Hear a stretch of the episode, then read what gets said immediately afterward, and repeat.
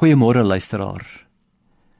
In Psalm 107 word vier verhale vertel oor die tipe nood waarin mense hulle kan bevind en hoe God hulle red.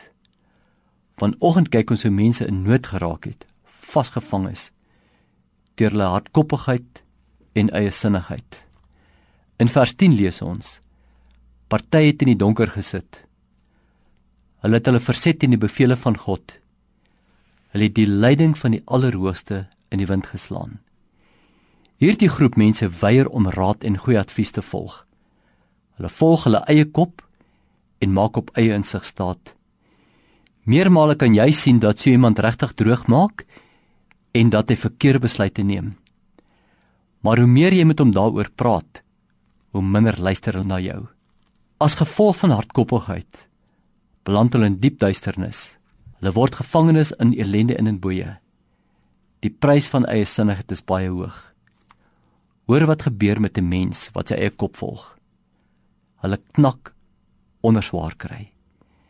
Jy meermaal op iemand afgekom wat sy eie kop gevolg het en op 'n dag se mamma net geknak het. Hulle het in mekaar gesak en dis die tragedie. Niemand het hulle gehelp nie.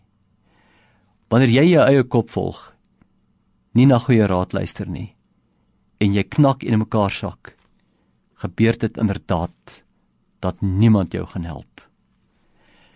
In hulle nood het hulle na die Here geroep om hulp en hy het hulle bevry van hulle ellende.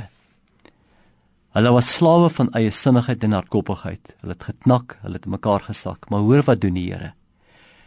Hy het hulle uit die donker van hulle lewe laat uitkom. Hy het die boeye van eie sinnigheid gebreek. Koperdeure van hardkoppigheid het hy oopgeslaan. Die eystergrendels van die lewe wat hulle geknak het, het hy stikkend geslaan. Hulle moet die Here loof vir sy troue liefde, vir sy wonderdade. Wat ervaar iemand wat knak onder swaar kry? Iemand wat knak onder eie sinnigheid. Hulle beleef inderdaad op 'n stadium weer die wonderdade van God in hulle lewens. Amen.